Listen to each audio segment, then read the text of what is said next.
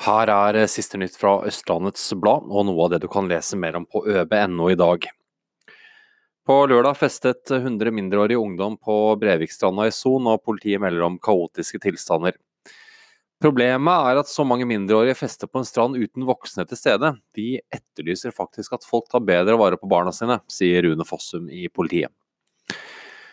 Stor tomt med direkte adgang til sjøen kan sette prisrekord i Oppegård. Sjøutsikten har vært mange millioner kroner. Se tomta og les mer om boligen hos oss.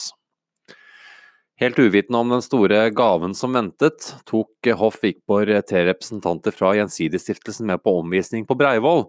Det de egentlig ville, var å overraske DNT med en milliongave. Nordre Follo kan bli Norges mest gjeldstyngede kommune. Anders Heidsvåg Graven i Senterpartiet er bekymret over den eh, økonomiske tilstanden Oppegård-rådmann presenterte på et møte i fellesnemnda. Det begynte å brenne i en brødovn hos Meny i Nordbyveien tirsdag morgen. Brannvesenet rykket ut for å kontrollere, men brannen var slukket innen de kom på stedet. Midt i det sentrale Ski produserer Rune flere hundre liter eh, honning fra 20 bikuber. Vi har tatt en tur hos eh, birøkteren for å kikke.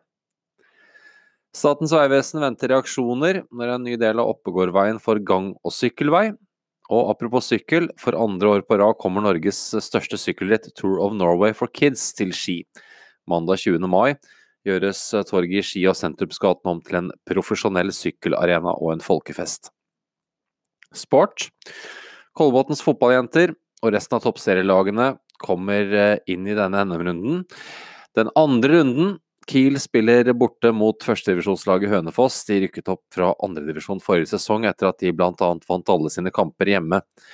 Kolbotns motstander har åpnet sesongen brukbart og ligger på annenplass på tabellen med ni poeng på fem kamper. To seire og tre uavgjorte kamper er fasiten. Vel, Kolbotn har jo de som kjent, og som du har lest i ØB, vunnet sine fem siste strake kamper. I cupens første runde ble det 10-2-seier over andredivisjonslaget Eik Tønsberg. Eh, ØB strømmer for øvrig i kampen onsdag kveld direkte. Mer informasjon får du hos oss. Husk også at du kan lese alt om gårsdagens oppgjør i fjerdedivisjon mellom Ås og Fredrikstad 2, en kamp som vi også strømmet live, og hvor Ås bokstavelig talt fikk grisebank. Mer om kampen hos oss, og du kan også se den i reprise. Siste nytt fra Østlandets Blad fikk du av meg, Anders Norheimdal. Ha en eh, super dag.